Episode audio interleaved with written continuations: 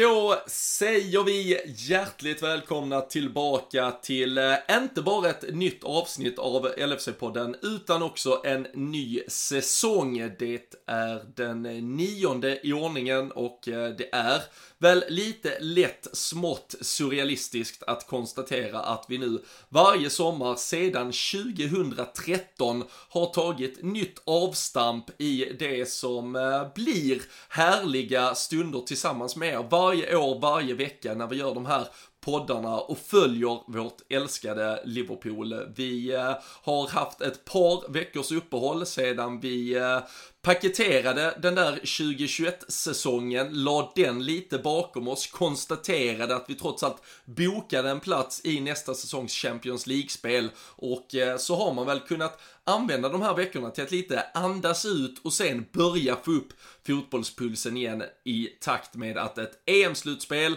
har varvats igång. Och man känner väl hur fotbollen börjar komma krypande tillbaka. Och eh, vi kommer ju i takt med att EM-slutspelet liksom tar slut, spelare återvänder hem, det ska börjas träningsspelas, försäsonga och så ska det igång lite silly season och annat kul. Så det väntar ju en otroligt härlig sommar för alla oss klubblagssupportrar i allmänhet, Liverpool-supportrar i synnerhet, när det nu snart är dags att växla upp även på den fronten.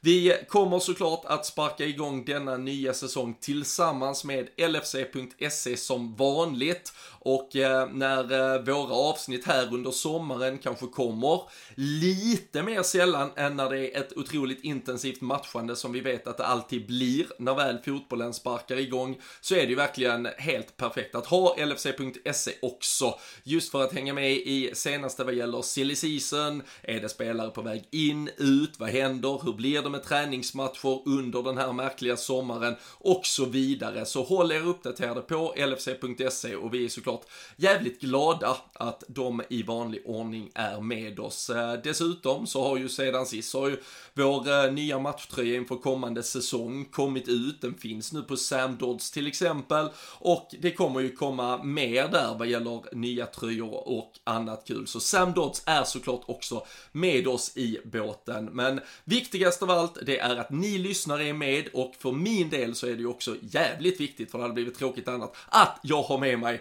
Daniel Daniel Forsell. Så jag ska välkomna honom in, ni ska sätta er till rätta och så kör vi igång säsong nummer 9 av LFC-podden.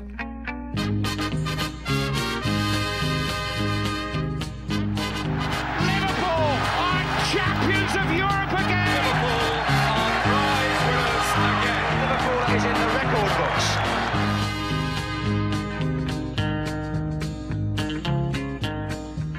Ja, du Daniel Forsell, landslagsälskare numero uno. Hur fan är läget denna EM-måndag i juni uppe i Borås?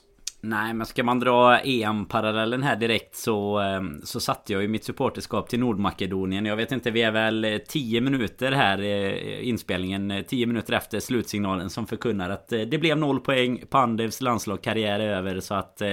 Nej, det har ju, det har ju sällan varit tyngre nästan i landslagsmässigt får man ju säga. Det var ju riktigt tråkigt att inte det bettet gick hem. Men i övrigt är det väl bra. Ehm, Lite som du nämnde i introt här börjar eh, få ett litet sug efter eh, lite normalitet igen och, och fotbollen som, eh, ja, men som medförs där egentligen. Det är ju när spelschemat kom här i i veckan som var eh, så ehm, ja, men då får man ju lite sådär extra puls tycker jag. Det var ju då man också känner att nu eh, närmar det sig. Man sätter igång en ny säsong av eh, podden. Det är lite lugnt såklart på sillfronten här mitt under brinnande mästerskap. Men då får man ju passa på och kanske scouta lite på egen tv istället och se om man kan ja, men göra några sådana här Eidefors-rekar i framtiden kanske med, med allt man har lyckats se. Vad, hur, ja. hur, är det, hur är det söderut helt enkelt? Jo, det är väldigt bra. Men jag ser, för det första, jag ser verkligen fram emot att höra om någon så här obskyr eh, så här tredje divisionsspelare från Frankrike eller något sånt som du har snappat upp sen nu när du tar på dig att anamma eh, Fredrik Eidefors eh, glasögonen. Det blir en ny bekantskap och följa ja, det, lite det, kommer, om, det kommer om några veckor här när träningsmatcherna har dragit igång. Så, ja. så ska det komma några, ja, men några namn. Vi, eh, vi kommer väl till det sen. Men vi bad ju eh, faktiskt våra lyssnare att bidra lite med liksom vilken spelare man skulle, skulle kunna tänka sig. Och det är klart, det är ju mycket EM-koppling där. Och den, eh, jag kan ju avslöja här lite senare vem, med, en extrem Liverpool-koppling. Vem jag hade kunnat tänka mig att ja, ha, på nytt eller fortsätta se truppen utan att säga för mycket. Det kanske inte är så svårgissat nu men ja, vi kommer till det helt enkelt. Med tanke på att det var tio minuter sedan eh, Nordmakedonien eh, tackade för sig i detta EM-slutspel så är det ju för den som eh, har koll på sitt EM då alltså också bara tio minuter sedan Gini Wijnaldum stängde igen en nederländsk kväll med att göra två mål, passera Marco van Basten som målskytt i landslagssammanhang 24 och 25 målet där. Tre mål på tre EM-matcher, han gjorde två mål på 38 ligamatcher. Vi, vi kanske ska börja i den änden, det är väl det som liksom symboliserar och eh, jag sätter samman både Liverpools eh, sommar och detta EM-slutspel på egentligen bästa sätt. Eh, han har väl kanske faktiskt varit hela EMs bästa spelare den spelare som vi då alltså nu har släppt gratis och som kommer att fortsätta sin fotbollskarriär i Paris Saint-Germain. Ja, det är ju ruggigt eh, tråkigt att konstatera att, eh, att det är gratis dessutom. Men Inte för att vi hade kunnat få något betalt i den kontraktssituationen som var, men eh, Nej, det hade ju varit skönt att haft eh, e EM-slutspelet som lite grund inför eh, det beslutet egentligen. För då kanske, kanske löneförfrågningarna hade mottagits på ett lite bättre sätt. Han har ju satt sig i, i pole position vad gäller det såklart, även om han nu redan har kritat på för PSG. Så jag vet, alltså det, det, är ju, vi har ju pratat om det många gånger med Wijnaldums landslagsfotboll kontra hans, eh, hans Liverpoolfotboll. Och det är klart att han har fått anpassa sig till en annan eh, alltså spelstil och framförallt hans position i, i laget eh, i, i klubblag kontra landslag. Men det är ju synd när man ser detta att eh, Alltså man känner att det hade funnits så mycket mer att få ut under de här åren Även om det har varit en helt eh, Fantastisk Liverpool-karriär också. Och, och, han har ju verkligen liksom all kudos till att han har tagit till sig det här Spelsättet och det som Klopp vill ha ut av honom. Men i landslaget ser man ju en så jäkla mycket mer fröjdig Gini Wijnaldum framåt alltså. Det är ju Det är ju verkligen som natt och dag vad gäller den positionen. Sen är han ju såklart lite mer offensiv i landslaget men man önskar ju nästan att vi någon gång hade fått se det även hos, eh, hos oss faktiskt. Eh, även om vi såklart spelar lite skilda system. Men eh, han, han är ju extremt bra när han är framme och fyller på. Det är ju, det är ju segt att behöva börja säsong 9 här med och hylla en spelare som precis har konstaterat lämnas. Men han, han är väl röd på pappret ett litet tag till i alla fall. Ja, och alltså det, det, är ju, det är ju som du säger, det är ju klart det är vemodigt och, och lite märkligt. Samtidigt så är det ju så här, alltså har man faktiskt följt hur han har presterat i det holländska landslaget eh, under tiden även när han har varit Liverpool-spelare så är ju detta inget som överraskar utan det är ju så här det har sett ut. Alltså mm. han har ju kommit tillbaka från varenda jävla landslagssamling och gjort både ett och två mål och eh, alltid liksom presterat i en ganska framskjuten nästintill nummer 10-roll, ofta med kaptensbindeln runt armen dessutom och varit liksom ja men galjonsfiguren och den store ledaren i den orangea tröjan. Eh, och eh, man får väl egentligen, som du var inne på också, bara konstatera att det, det kanske gör hans insats i Liverpool-tröjan än större. Att han har varit beredd att låta mycket av de här egenskaperna som uppenbarligen liksom fångar kanske den stora massans förtroende och liksom uppskattning och gör att man liksom hyllar honom som en av de stora. Alla de delarna i hans spel som, där det finns ett målskytte, där det finns liksom de här boxlöpningarna och så vidare. Att han har varit beredd att helt liksom hänge sig ett system där det inte har fått komma fram. Det, det säger väl egentligen än mer om honom och eh, ändå liksom i det systemet som har varit så, så har det ju antagligen varit rätt för alla parter att lämna och även om det känns liksom tufft i stunden när man ser någon fortfarande vara som man vill nästan man försöker ju lite inbilla sig att när någon lämnar gratis så är det liksom, ja men det är ändå slutet av hans karriär och så vidare, men han kommer ju gå vidare och ha ett par jättefina år antagligen i Paris. Vi får ju bara hoppas att det bytet vi gör in mot någon annan spelare som kommer ta den platsen i en startelva i ett par år framåt så ska vi ändå få en utväxling som gör att vi också blir ett bättre fotbollslag. Men äh, det är ju, det är ju verkligen en avskedsföreställning om vi nu ska liksom suga ut det sista av, eh, av honom som Liverpool-spelare som vi, som vi bjuds på äh, i det här EM-slutspelet. Och äh, han tillsammans med Frenkie de Jong har ju varit, ja men jag tycker de har varit Ja men de, de, har nog kanske varit hela EMs äh, eh, bästa spelare. Det är väl ett par italienska spelare också som har äh, stuckit ut. Men äh, annars så är Wijnaldum absolut där i toppen och det kan vi väl bara egentligen glädjas med och applådera honom för. Ja, men absolut. Det är väl det vi får... Eh, man får vara glad för hans del och det är samma som, som vi var inne på där i början. Han hade ju också en fantastisk karriär i Liverpool. Så att det är ju bara tacka och eh, hoppas att det ska gå eh, ja, men li, lika bra i PSG som det har gjort i, i landslaget helt enkelt. För att eh, som du är inne på, han kommer ju ha några fina år där och framförallt, jag menar liga fotbollsmässigt i PSG är det ju det, det kommer ju, statsen kommer ju kunna se bättre ut också om det behövs liksom. Det är väl i Champions League han kommer få göra sitt eh, sitt absolut största avtryck om det nu ska bli någon, eh, någon skillnad. För PSG ska ju bara vinna sina ligatitlar nu eh, dessutom nu när de inte gjorde denna gången då. Så kan jag tänka mig att han, han har ett par ligatitlar som eh, redan är inräknade på kontot och så får vi väl se vad som händer utöver det egentligen. Men nej fantastisk karriär och kul om om det går bra för honom fortsatt i EM nu med. Holland gick ju riktigt fint i, i gruppen så kanske med lite brist på konkurrens också i och för sig nu om man ska vara, vara lite ah, oschysst mot Nordmakedonien Och de andra. nej, fy fasen. Han fick en Guard of Honor när han lämnade här nu också. Så nej, han... Eh, frågan är vart de ska ta vägen härifrån eh, Nordmakedonien. Men det tar vi i våran eh, Nordmakedonien special sen som kommer eh, mm i sommar man, någon gång.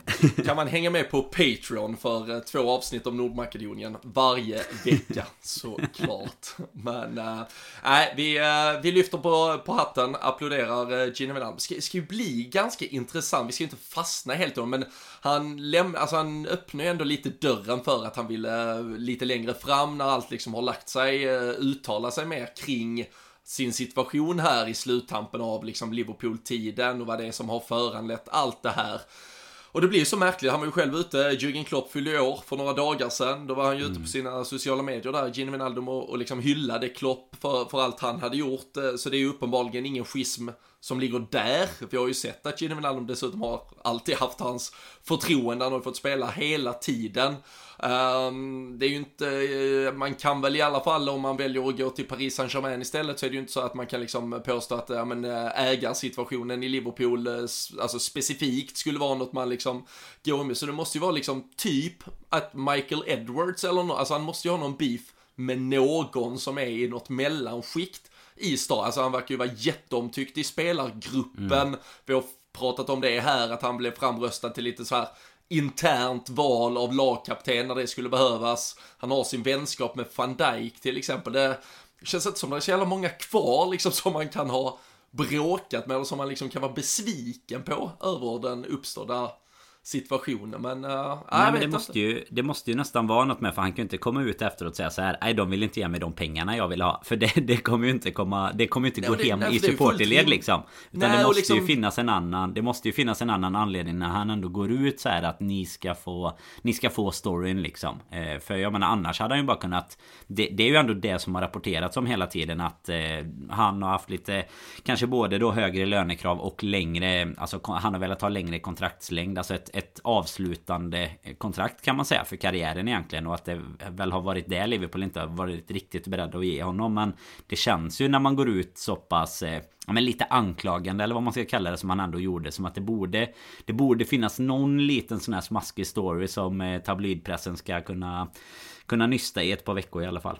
Ja, nej, vi, eh, vi får vänta och se. Vi får väl anledning att återkomma till det i så fall. Ehm, annars, eh, om vi stannar lite kring eh, EM-slutspelet så kan vi ju konstatera att, eh, ja men kanske då i det, i det andra spektrat, en spelare som har gjort det helt fantastiskt för Liverpool, där pratar vi om Gini Wijnaldum som nu lämnar, en spelare som kanske inte riktigt har fått det att fungera i Liverpool, men som vi kanske hoppas lämnar. Nu är jag lite taskig. Shardan Shakiri, han gjorde två mål igår. Men eh, förhoppningsvis som Liverpool-supporter så är det där kanske snarare mål som höjer hans prislapp med 5 miljoner pund än som får en att tro och hoppas att han eh, nu då ska komma tillbaka till nästa säsong och vara the real deal, eller vad säger vi? Ja men absolut. Det blir väl på motsvarande sätt som jag sa med Wijnaldum Att man hade hoppats att det hade kunnat gå över slutspelet Så blir väl det här bara ett eh, Nej ett fönster att visa upp sig egentligen eh, Blir det ju. Och, eh, och på bästa sätt egentligen. Bästa Vad brukar man säga? Bästa sanningstid liksom. Får han eh, Får han ju visa och det, det kan ju bara vara att Edwards och gubbarna sitter och liksom gnuggar händerna nu och Nästan påräknar att de skulle kunna få kanske en lite bättre prislapp då För han brukar ju inte vara dålig på att få fram prislappar ändå men eh, Det är klart att sånt här kan locka Alltså den typen av klubbar som man tänker att Shakiri ska kunna hamna i framåt Så eh, absolut Det är väl inte någonting man själv sitter och hoppas på att Det ska göra att han spelar sig in i vårt lag på något sätt extra eh, Utan eh, nej som du är inne på Öka sitt transfervärde egentligen mm. Och, eh, ja, men det är ju, och det är ju framförallt också en spelare som är, han är ju otroligt mästerskapskompatibel. Alltså jag tror det var hans tionde mål, alltså så här, goal involvement, alltså mål eller assist på 15 mästerskapsmatcher, EM och VM för Schweiz, som då dessutom inte är ett lag såklart som öser in mål, men uh, han har ju liksom uh, tillbaka sen uh, typ, vad är det, sen VM 14 eller sånt så har det ju varit något mästerskap med två, tre mål, något med något eh, drömmål, något med något eh, minutavgörande, så här sista minutavgörande. Så han, eh, det är ju också en spelare som verkligen kliver fram. Igår var det ju ett mål liksom, eh, högerdojan bara drämmer upp den i krysset. Så det, det är ju också en sån där spelare som har, när han får förtroendet, den där, alltså edgen i sig. Men har väl kanske bortsett typ första halvåret när han kom, när han var lite impact sub ibland och även kunde eh, ge oss ett alternativ i en 4-2-3-1 uppställning som vi gjorde vid några tillfällen. Men man har väl liksom tillsammans med hela det här, om vi klumpar ihop honom i det här Origi Oxlade-gänget, visar att när de inte riktigt har förtroendet, när de bara ska in och spela spo alltså sporadiskt här och där, då får man fan inte ut någonting av dem egentligen. Nej, och det funkar ju inte att ha en spelare som liksom kommer in och gör ett, eh, ett sånt typ av impact var eh, femte inhopp eller om, om ens det egentligen var sjunde, var åttonde inhopp kanske. Jag menar det räcker ju inte för att du måste ju i varje match egentligen i Premier League och Champions League och så vidare måste du ha spelare som ja, men som du kan räkna med kommer in och gör det bättre från bänken också. Nu kommer det inte alltid att bli så men du ska ju kunna byta ut en spelare efter 60 minuter och vara ja, men ganska komfortabel i ditt beslut att den spelaren som kommer in ska, ska egentligen kunna göra mer och bättre än vad den som jag precis bytte ut gjorde och det är väl det problemet vi har, har haft mycket den här säsongen med skadorna och sådär. Jag menar vi har ju haft eh, oräkneliga egentligen på Keita och, och så vidare också. Där man till och med kanske egentligen har velat ha någon som startspelare om man går tillbaka eh, ända sedan han kom då. Men eh, som liksom både har kunnat agera inhoppare och där inte heller har, har kunnat bli någon kontinuitet. Och det är väl ytterligare ett problem till Shakiri och att han liksom dessutom har dragits med hur mycket skador som helst som ja, man inte riktigt haft någon koll på. Alltså det har ju, det har ju varit lite lottdragning så här. Ja men okej, idag var han på bänken, idag var han inte och så vidare. Och man, man har inte haft någon koll riktigt och därför så är det ju inte, alltså det är ju ingen sån spelare tyvärr. Knappt ens som truppspelare som man kan förlita sig på. Och dessutom då kommer till en ålder och sådär där där både kanske för klubbens skull men även för hans skull såklart det skulle vara bättre att bara ja, hitta en, en lite bra lösning på det där han kan gå vidare och, och vi kan förhoppningsvis casha in vad som casha in kan helt enkelt.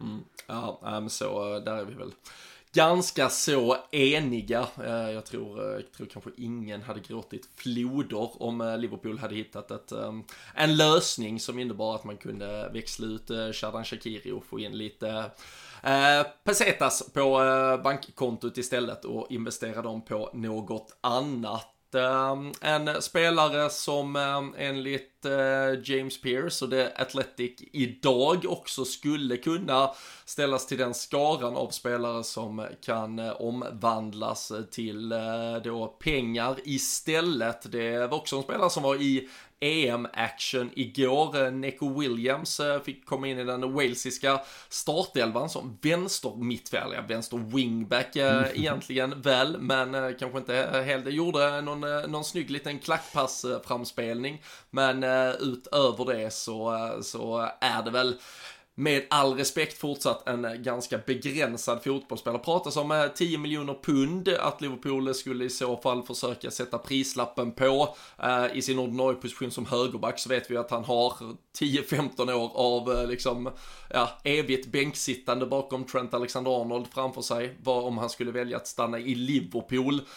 Så det är väl lite samma sak där att det vore väl den absolut bästa lösningen för alla parter att tjäna tillräckligt med pengar och låta han fortsätta sin fotbollskarriär någon annanstans.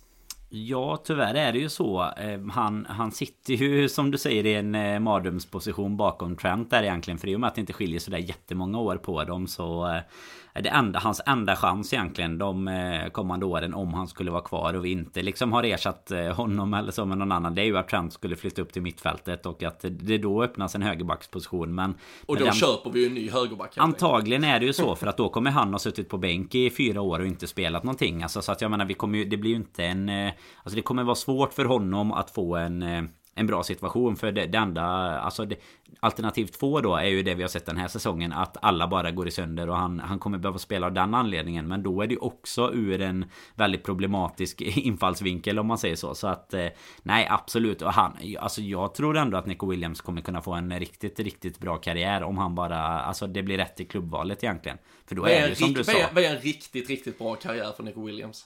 Nej okej, okay, så det, det, är ju inte, vi pratar ju inte att det blir några mer Champions League-titlar och sånt Men jag menar han kommer, få, han kommer få en habil Premier League-karriär skulle jag säga Om han ändå äh, sätter sig i någon lite sådär Gör, Kommer han göra över under äh, 100 Premier League-matcher för ett lag äh, i, på över halvan i Premier League?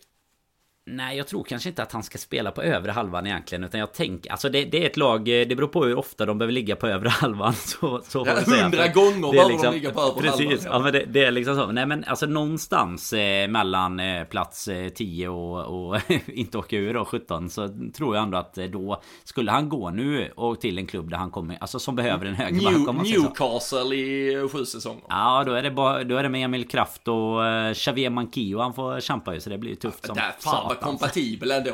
Neko Williams, Emil Kraft och Mankio. Nej men, nej, men säg, att han, säg att han skulle gå in i en, i en Newcastle och alltså spela direkt till exempel. Då tror jag ändå att han alltså med, med en okej första så alltså då har han ju den platsen tills Alltså då är det ju verkligen han som spelar bort och det tror jag inte att han eh, skulle behöva göra. Alltså jag, jag, tror inte att han eh, är en så pass begränsad fotbollsspelare att han kom, skulle ha problem med det. Men sen är frågan såklart, då ska han också hitta en klubb där han får starta nu. Och det är väl, det är väl där utmaningen är. För lite samma problem som han får hos oss då är ju att eh, Alltså med strukturen som finns i Premier League idag och de pengarna så Så är det ju inte omöjligt att köpa någon eh, superbra back från Alltså ett land som eh, som inte är typ La Liga, Serie A och så vidare. Utan jag menar typ, ja, vad ska vi ta, Danmark eller någonting. Om det är någon som är bästa högerbacken i eh, Superligan liksom kommer ju vara typ vara lika billig som Nico Williams känns det som. Och då, ja, då hamnar man väl i det alternativet. Så det, det är viktigt att hans agent gör jobbet nu helt enkelt.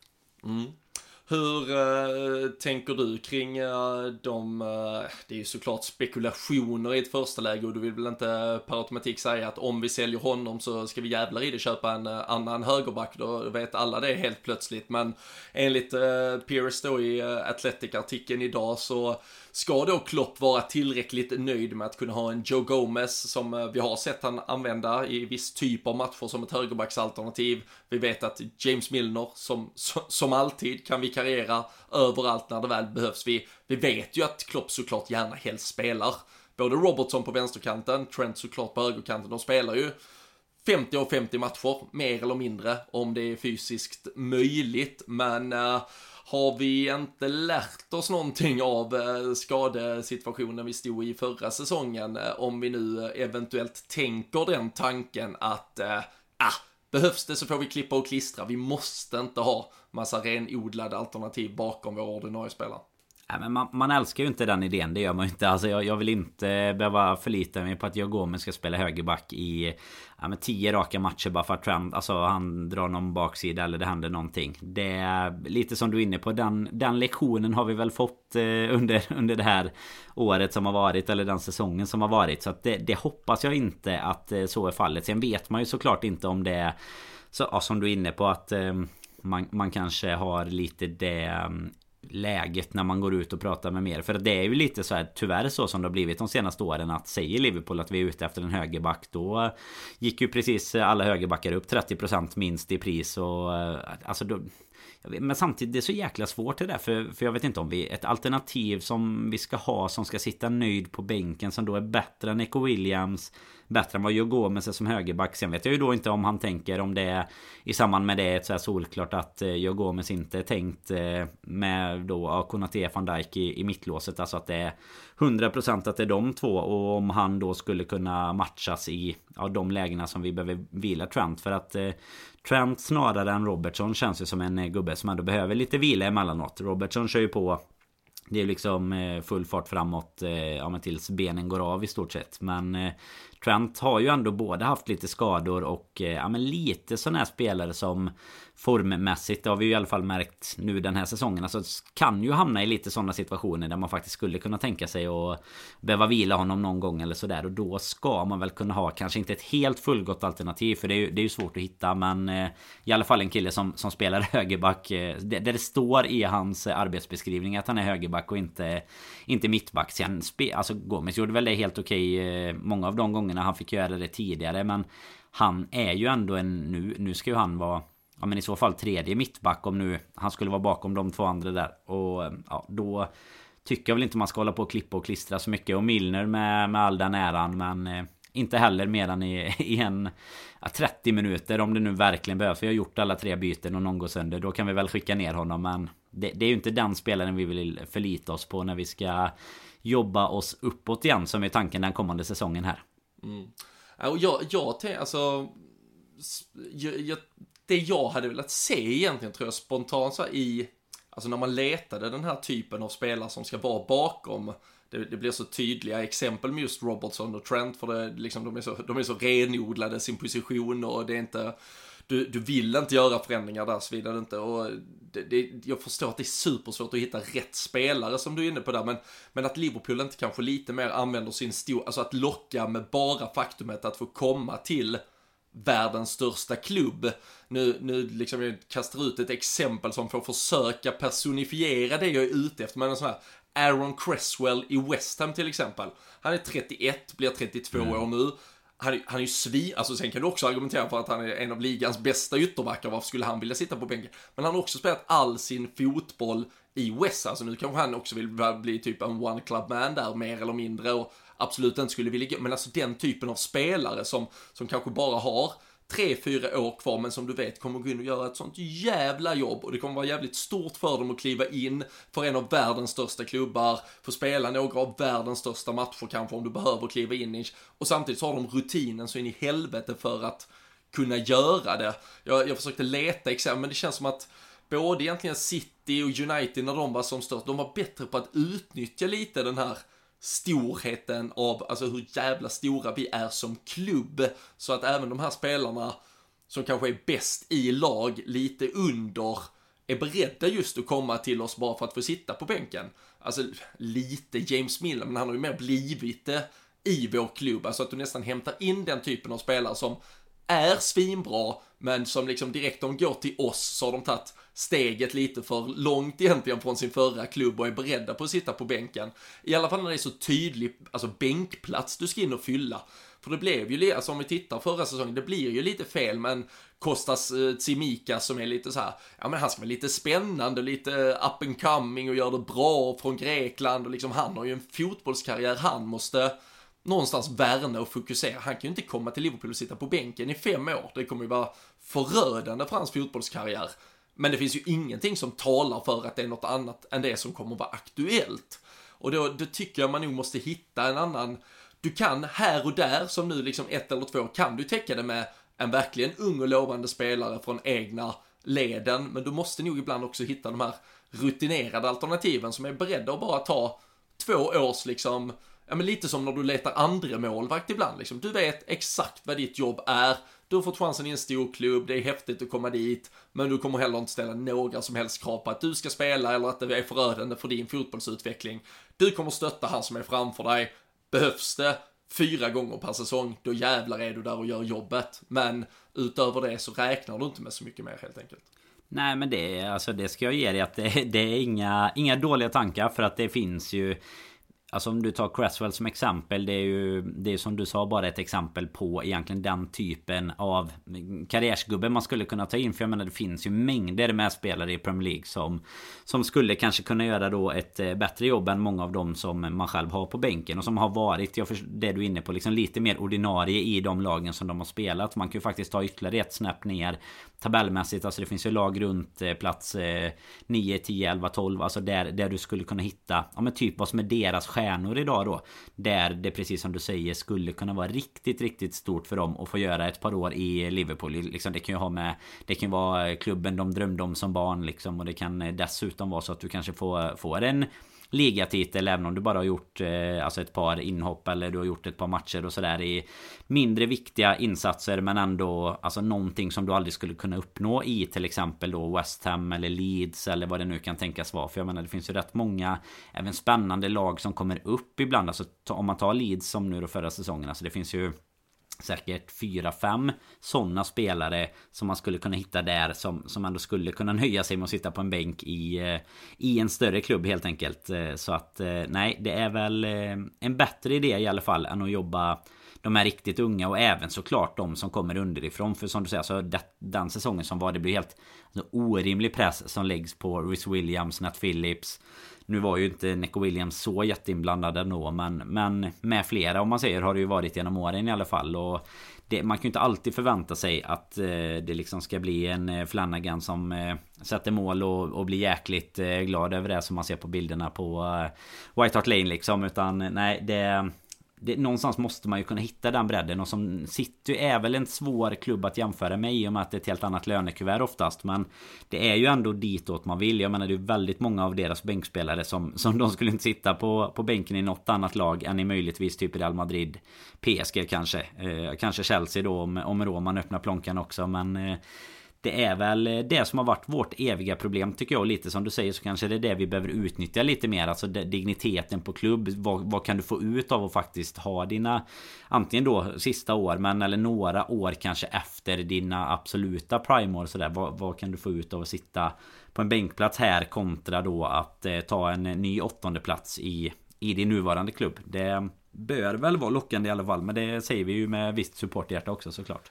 Ja, vi, vi, kan konstatera att vi hade varit beredda att ta bänkplatsen i alla fall. Ringer Klopp så, så kommer jag i alla fall fundera. Jag kommer ju jag kommer svara på samtalet i alla fall, ja precis.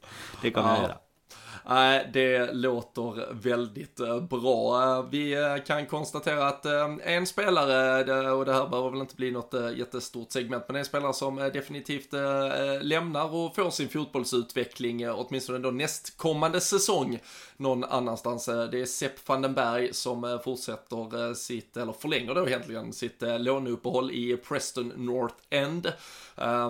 Va? Ja, vad säger man? Den enes eh, död, den andres bröd. Eh, ben Davis eh, gick från Preston till Liverpool och gjorde ungefär som vi hade varit beredda att göra när han la ner sin fotbollskarriär för att tillhöra Liverpool. Men en annan då, Sepp van den Berg, han gick ju till Preston, gjorde det bra där under vårsäsongen och går nu på lån till Championship-klubben hela kommande säsong. Och vi kan även konstatera att Adrian har förlängt sitt avtal med Liverpool Liverpool och det är väl egentligen, alltså jag, man kan verkligen säga vad man eh, vill och känner och inte alltid har den fulla övertygelsen om Adrians fotbollskunskaper, men eh, man kan väl tro och hoppas att Allisons föregående säsong var ett unikum på alla sätt och vis och att vi bör kunna se lite mer uh, consistency uh, från uh, vår kära brasilianare nästa säsong. Lite mer grillat i sommar kanske, komma tillbaka lite starkare med det i, i köttet liksom. Och då ska väl Adrian mest fylla den där härliga ja, personlighetskvoten på bänken och då känns väl det som ett ganska klokt val ändå att han stannar istället för att, alltså det skulle ändå fyllas upp med en typ exakt likadan spelare annars ifall han valde att lämna.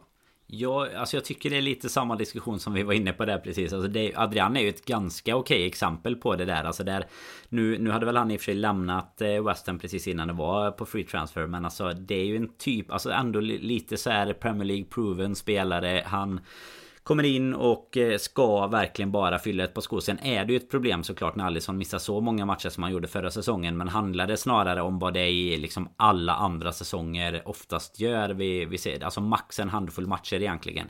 Då tycker jag absolut att Adrian är fullgod där. Och sen har vi ju Keller som liksom kanske till och med knackar på dörren för att, att vara andrespade så sett. Men eh, Sett till vad Adrians, eh, hur hans eh, liksom lönekuvert och, och så vidare ser ut så tycker jag egentligen att det är en no-brainer även fast eh, jag vet att många på, på Twitter och liknande inte skulle hålla med om det utan bara vill kasta bort varenda spelare på det sättet. Men jag menar problemet är ju som du är inne på. Vem hade vi satt där istället då? Det hade ju varit en exakt likadan spelare typ som vi hade behövt få in och då De är ju inte så jäkla lätta att hitta egentligen det där för det, det ska du ju verkligen ha någon som kan vara beredd på bara Alltså träna, träna, träna men Antagligen bara få spela någon liten ligacupmatch egentligen ehm, Tyvärr För deras del då. Men eh, det är väl en eh, det, det är kanske en sån karriär som egentligen hade passat oss liksom Där vi inte hade behövt eh, ha så mycket press på oss Utan sitta på bänken och ja, men bra plats på Anfield liksom och så ja, men kassera in hjälpa, lite gör man ju under tiden med. med grillen ibland kanske. Bara förbereda marinaden medan han duschar eller något sånt. Ja men lite så. Och så bra, bra gubbar i omklädningsrummet tänker jag. Eh, att ja. Eh, man hade varit. Otroliga eh, styra, gubbar i omklädningsrummet. ja, styra lite musik och ja men Inhandlingen och marinaden, Allison grillar och så är lagfesten, eh, ja resten, det resten behövs inte egentligen. Det är de tre. Är historia. Det, det, är bara vi tre och John Örsterberg som, som är ute på Allisons bakgård. Så vi bjuder bara in honom också. Ja, fy fan. Och så fort så åt dem. Ja, det känns, det känns, ja, det känns rimligt. Ja, nej, det är taget. Eh, men eh, man kan väl konstatera där också med, med tanke på att du nämnde Kelle här, eh, lite diskussion kring då eh, huruvida han också ska liksom spendera ytterligare en säsong på bänken eller om han ska gå någonstans. Med tanke på Nico Williams då i den situationen han är i. Man måste ju samtidigt behålla åtta stycken homeground-spelare så att säga som kvalificerar sig i den kvoten. Och där är ju Kelle här till exempel en av de spelarna. Sen har vi Joe Gomez, Eh, Nat Phillips, Ben Davis, eh, den, eh, ja, detta unikum till fotbollsspelare. Trent, Henderson, Oxlade och Milner. Ben Davis kanske då tvingas lite kvar för att fylla upp en sån här kvot. Eh, I min bok hade jag ju kanske gärna också sett att en Oxlade Chamberlain eh, spelade sin fotboll någon annanstans, men eh, samtidigt återigen, det ska nog ersättas då med någon annan som ska fylla en roll och så vidare. Men det känns som att den kvoten tills vidare kanske förblir ganska orörd. Medan där finns spelare som nämnde där då tidigare, Shakiri, Origi och så vidare innan vi ger oss på de här spelarna som trots allt eh, fyller upp no någon form av matematisk formel för eh, truppbygget eh, innan vi i så fall i alla fall har ersatt dem med spelare av samma kaliber där vad gäller eh, kvalifikationer. Ja, det är ju det vi behöver göra för det är ju ändå de spelarna som vi har haft på, um, på eh, vår bänk egentligen om man tänker alltså Origi och de, de som inte är homegrown om man säger så De behöver vi ändå ersätta såklart med, med andra liknande pärlor som vi kan, kan ha som inhoppare istället. Sen eh, är det klart att det blir ju ett eh, men man hamnar ju i lite inlåsningseffekt där såklart. Det är ju synd om liksom Ben Davis och eh, Oxlade. Alltså, jag, jag tänker mer synd ur klubbens perspektiv i detta fall. Kanske inte om just dem. Men det är ju synd om eh, om man liksom ska behöva behålla dem eh, bara egentligen för att fylla upp en sån typ av kvot. Och det blir ju lite samma problem som du säger med Kalle här egentligen. För det är väl, eh, känner man så pass gott förtroende för Adrian som, eh, som andre man där så mm, skulle väl det kanske, han skulle ju må bra av att få en riktig säsong i sig skulle jag säga med i Ja men kanske Championship eller någonting eh, sånt då. Men Det blir ju svårt om vi inte, om vi inte kan fylla upp den kvoten i så fall. För det, det vi, vi, hamnar ju ändå i problem tycker jag där rätt många av de här spelarna som vi diskuterar på utsidan Alltså det är ändå spelare som har varit men på bänken och första ersättare egentligen. Så att det är ju ett ganska... Alltså det är ett ganska gediget jobb att ersätta många av dem i så fall. Så att eh, se att alla skulle lämna har jag ganska svårt att göra egentligen. Med, alltså de som man kanske tänker egentligen har gjort sitt om man säger så. Och tyvärr så... Ehm, så har man väl kanske inte jättemycket förhoppningar på ja, men typ Oxlade, Shakiri, Origi och så vidare heller att de ska kunna göra så mycket. Alltså Ben Davis har ju ingen aning om, om han ens existerar eller om det bara är ett namn på ett papper. För det, det kommer ju ändå ut några bilder när vi värvar honom. Så att, eh, men jag menar det kan ju lika gärna vara någon eh, så här tredje målvaktstränare som, eh, som fick ställa upp på lite bilder. Så att det återstår väl att se här till säsongen. Men jag vet inte vad tycker du är, vad, vad är liksom optimala lösningen på att lösa det? För jag menar Oxlade, om vi tar han som exempel. Alltså han, han måste ju också egentligen, precis som vi sa i början, bort för ja, men både sin egen skull och för för klubbens skull typ. Alltså vi, vi kommer ju kunna få in mm. bättre spelare och han hade ju absolut kunnat ta i alla fall lite till fotboll i sig. Typ Lalana Brighton mässigt liksom. Nej men alltså i, i min värld så, eh, alltså det är ju det är superförenklat och liksom ett, eh, ett övergångsfönster ser, ser ju aldrig så eh, enkelt ut förutom när man spelar football manager back in the days och uh, klicka och fylla i exakt vad man behövde och så löste det sig eh, mer eller mindre. Men hade man i en perfekt värld egentligen kunnat eh, skifta ut Kostas Tsimikas och Neko Williams egentligen mot en, eh, liksom en ytterback som kan hantera båda sidorna väldigt, väldigt bra och med hög kvalitet. Eh, så hade det ju varit en, eh, liksom en transfer, liksom en snurra med dominobrickor att göra. Och sen egentligen offensivt om man säger så, så är det ju Oxlade, Shakiri och Origi mot tre nya spelare egentligen uh, in. Sen förstår jag och har liksom egentligen ingen tro på att det är exakt så det kommer landa. Jag kan väl kanske se då en Neco Williams försvinna, en ytterback tycker jag och tror och hoppas i så fall kommer in. Och sen kan jag väl se Origi och Shakiri försvinna. Det verkar ju som att Klopp är beredd att ge Oxlade eh, ytterligare en säsong här. Men eh, jag hade inte gjort det. Jag, jag tycker, eh, liksom som du är inne på, alltså det är spill av det är egentligen spill av truppplats hos oss och det är ju absolut spill egentligen av hans fotbollskarriär om han inte hade hoppats få ut mer av den. Det är klart att han har liksom representerat två av världens största klubbar i Arsenal och Liverpool och vunnit eh, titlar och eh, fått en otroligt fin fotbollskarriär. Men eh, jag hade väl kanske liksom ändå en, jag tror, vill tro tror jag och, och hoppas att han egentligen vill spela mer ordinarie fotboll på den absolut högsta nivån och det, det kommer han inte göra i Liverpool på väldigt, väldigt länge. Sen är jag väl också ganska övertygad att de här spelarna offensivt eventuellt kommer inte heller ersättas, men det är inte så att vi plötsligt då får in tre världsklasspelare här, men skulle vi kunna få in ett starkt namn på mittfältet, ett riktigt starkt namn i offensiven och sen liksom en till är väl, finns väl inom drömvärld, så hade det väl fått kanske ses som den perfekta sommaren tycker jag. Mm. Nej men det, det, blir en eh, Det blir en spännande sommar faktiskt för att det är ju ändå så nu att Med den här säsongen i ryggen Alla, alla skador som var och sådär så blir det rätt spännande att se hur mycket vi Hur mycket vi agerar och hur många gånger Klopp ska behöva berätta att eh, alla de spelarna som varit skadade är som nyförvärv det, Vi får se vilka instruktioner han får uppifrån men eh, Nej det, det kommer ju bli något att följa. Jag menar ganska snabbt så med Konate också när han kom in. Alltså så pass... Eh, ja, att det, att det sker så tidigt direkt. Nu har det såklart det tisslat och tasslat ända sen i... Ja men typ början på året eller jag vet inte kanske inte riktigt så länge men tidigt i våras här i alla fall. Så att eh, det, det har väl känts relativt eh, klart så sett. Men eh, Gini borta ändå.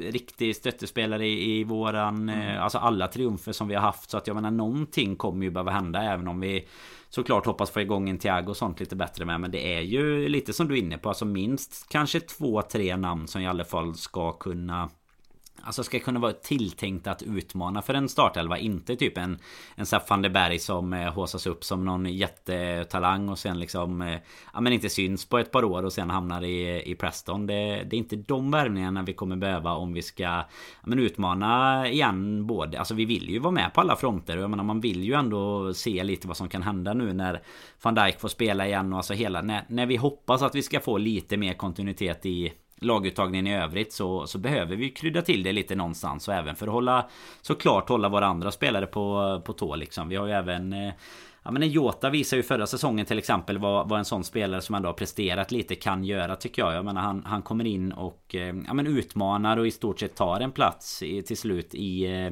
i den fronttrion som var omöjlig att bräcka i stort sett. Så att eh, det, det finns ju sparkapital att, att hämta i i många spelare som inte behöver kosta liksom 200 miljoner pund heller och heta Mbappé eller någonting utan det hoppas att scouterna sitter där för fullt nu och kikar EM-sändningarna tillsammans ja. med oss här. Mål och assist eh, för Jota i eh, lördags också. Så mm. det har ju varit 1 eh, plus 1 på, på han då i lördags och så två mål av Shakiri söndag, två mål av Gini Wijnaldum måndag. Liverpool klättrar ändå upp, även om inte de, liksom, det är de stora namnen som spelar EM-slutspelet här ur Liverpool-perspektiv kanske.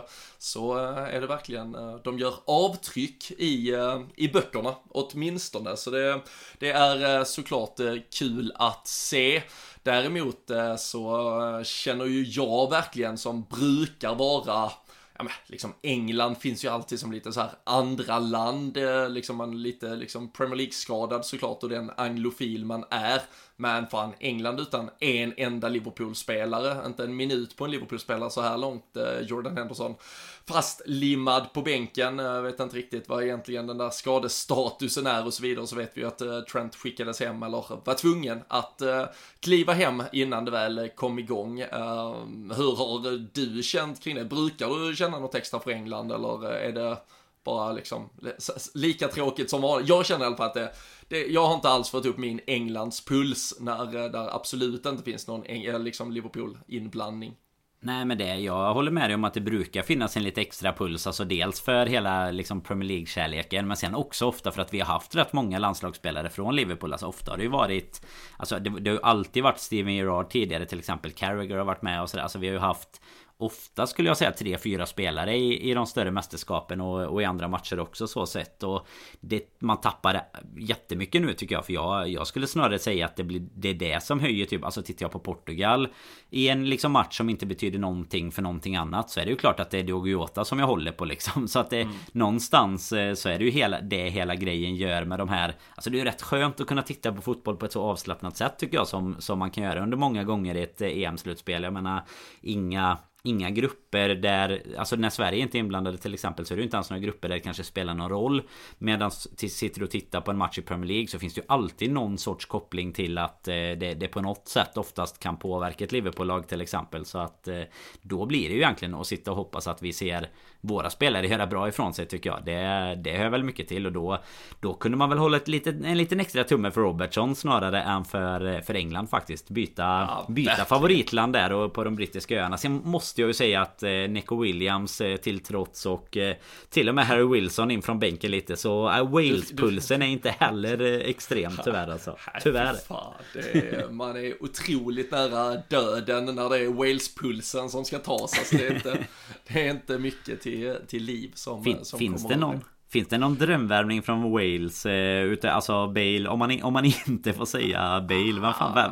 Aaron Ramsey, Ramsey ska bra. väl lämna Juventus eh, ja. i sommar kan jag tänka mig. Han är ju, han är ju faktiskt eh, relativt bra, men annars är det ju, men annars är det ju namn som man inte de, de, spelar väl i och för sig med Joe Allen, så en liten comeback på ja, ja. Joe Allen. Det är väl det, är det, det närmaste var, efter de två vi kom i alla fall. Och det, Danny Ward också. Det var ju någon jävla Gunter igår i, i liksom, gjorde sin 102 landskamp. Aldrig hört talas om gubben.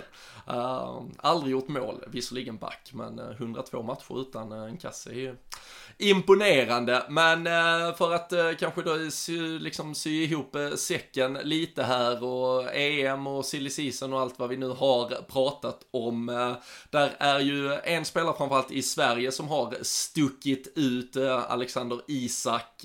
vi la ut på Twitter här i veckan angående, eller i helgen, angående vilka, ja men någon spelare kanske sådär om man hade fått plocka ut en som hade gått in i Liverpool och förstärkt oss och fått vara den där ena stora eh, värvningen. Eh, finns eh, såklart eh, Kylian Mbappé-gänget som fortfarande jobbar Mbappé 2020, lite sådär som EM, att man bara fortsätter på föregående års hashtag, men Alexander Isak såklart då för många svenskar ett namn som hade varit otroligt spännande. Och det är väl för första gången på väldigt, väldigt länge som till och med jag hade kunnat tänka mig att börja ta i en svensk eh, landslagsspelare med tång vad gällde min eh, klubblags sympati. 17 mål i La Liga förra säsongen, tycker han har visat de här två matcherna att det ändå är the real deal och eh, i liksom alla delar i anfallsspelet. hur, hur är den pulsen i förhållande till Wales-pulsen? Till att börja med bara oerhört förvånad att du inte var, var på Toivonen-tåget under Hodgson-eran ändå. Det var ju, det, var ju det, det, finaste vi kunde ha fått där ett tag. Eh, var ju, det var väl Ola Toivonen i flera fönster nästan. Sen har väl Augustinsson varit inne i något litet fönster jag för mig också. Eller sen vet Kän, man Känns inte det bara som en sån här, vi behöver en vänsterback, eventuellt, eller så här, backup vänsterback. Och så eller eventuellt Sportbladet som behöver en, en rubrik ja. kanske. Det, det ja. kan ligga något i det. Men, men, jag, nej, men jag får skriva under på det du säger faktiskt. Alltså jag eh, är ju, tittar ju inte på jättemycket La Liga så heller tyvärr. Men man följer ju såklart. Eh, alltså man har ju följt vad, alltså Isaks karriär så sett. Eh, tack vare såklart det, det är svårt att, att missa när man har eh, svensk media bredvid sig också. Men jag tycker, jag har verkligen imponerats i de här matcherna. Jag tycker att han verkar eh, Ja men alltså mycket mer eh, mogen i sitt spel och sånt än vad jag hade Alltså i och med att jag inte har sett honom så jättemycket Så mer än vad jag hade trott faktiskt Så att det är väl eh, lite som du är inne på. Det är väl första gången på riktigt länge som man ändå skulle kunna få upp lite, lite puls för en eh, svensk spelare i Liverpool. För det är ju såklart någonting speciellt. Det hade ju varit någonting speciellt att få in någon. Men man vill ju inte få in någon bara för att det ska liksom kunna skrivas om det och för att eh, studion på Viaplay ska prata mycket om Liverpool liksom. Utan då ska det ju gärna vara en spelare som också har någonting att, att ge för klubben och eh, det känns ju som en kille som har en riktigt, riktigt bra karriär framför sig i alla fall. Det kan vi inte säga mycket om. Sen eh, har jag absolut ingen aning om eh, hur eh, hur, hur liksom, realistiskt det skulle kunna vara och så vidare. Utan Ja, de, det blev väl lite Champions League-spel för dem om man inte har missat det på sanningarna här nu. Så att han, han kommer väl kunna få bevisa sig på lite större scener också. Jag tror det är Europa League-spel. Sevilla tog nog fjärdeplatsen. Så jag får tyvärr, tyvärr skjuta ner den drömmen. Jag, kan, jag läste idag i alla fall att Dortmund tydligen har ja, eh, låtit sig köpas ur sin, de hade egentligen en så här återköpsklausul mm. på eh, Isak, eh, antagligen som bara hade gällt då denna som, men där har eh, Suicidad då köpt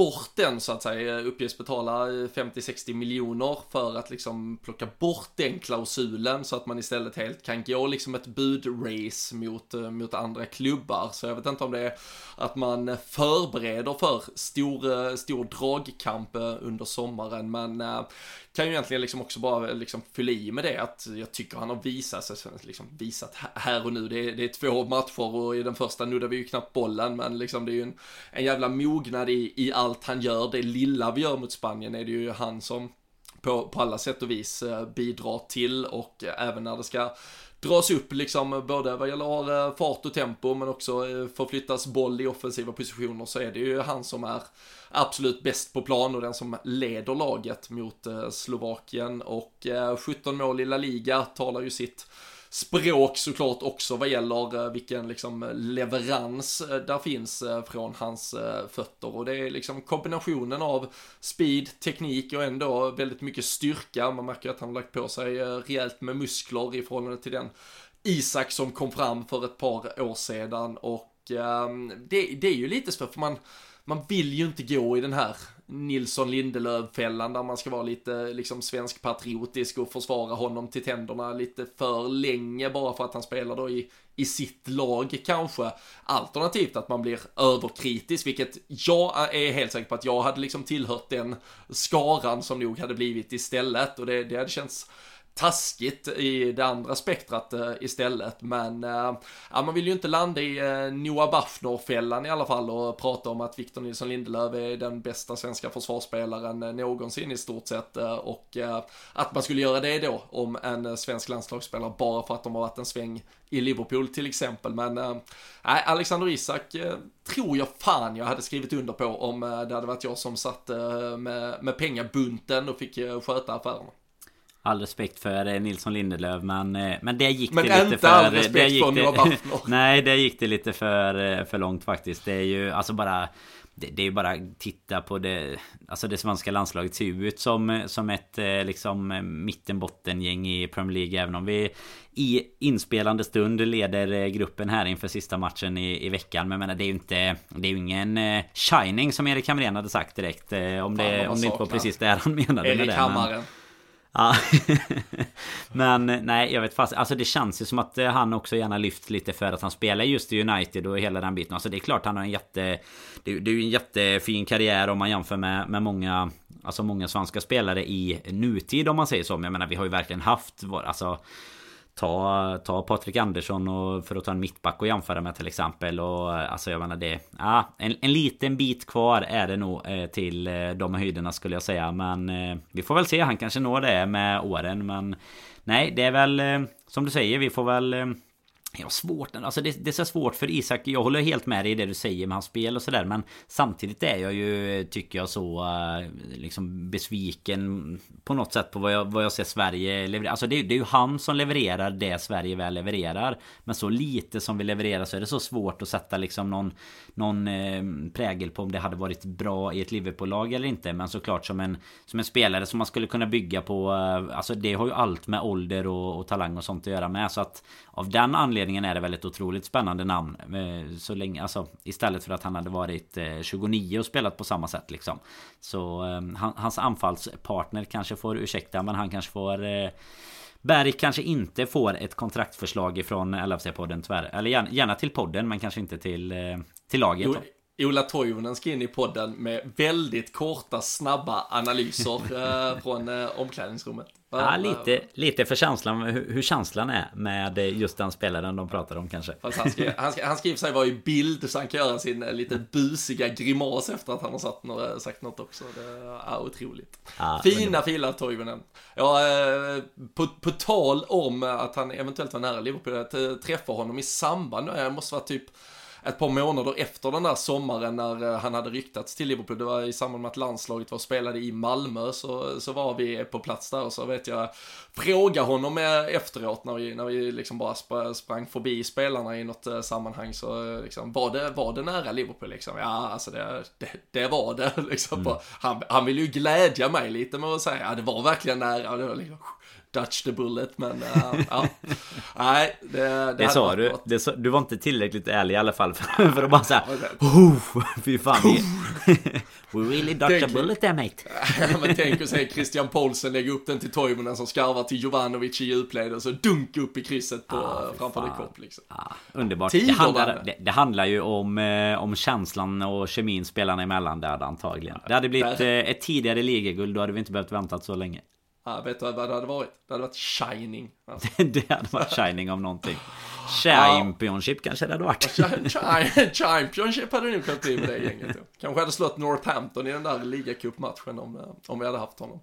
Men eh, nej, äh, uh, Shining har det förhoppningsvis varit på det här första avsnittet av säsong nummer nio som vi nu har sparkat igång här eh, tillsammans med er. Eh, LFC-podden är up and running igen. Vi har haft vårt eh, lilla sommarledigt. Vi kommer att komma tillbaka minst en gång i veckan nu framöver. Sen vet ni i takt med att Eh, ja, helvetet brakar loss och så vidare så kommer vi såklart att eh, växla upp vi också. Matcherna ska igång vad det lider, eh, men tills dess så fortsätter vi väl bara att njuta av EM-slutspelet. Vi hoppas väl att Alexander Isak gör ännu fler fantastiska insatser, spelar sig ännu närmare en storflytt och att Liverpool då kanske är med i det där racet om hans signatur. Men eh, tills vi hörs igen så får vi eh, passa på att bara önska er ett par eh, riktigt härliga sommardagar. Eh, vi är jävligt glada att vi är igång, vi är glada att ni är med och lyssnar så vi höres och synes snart igen.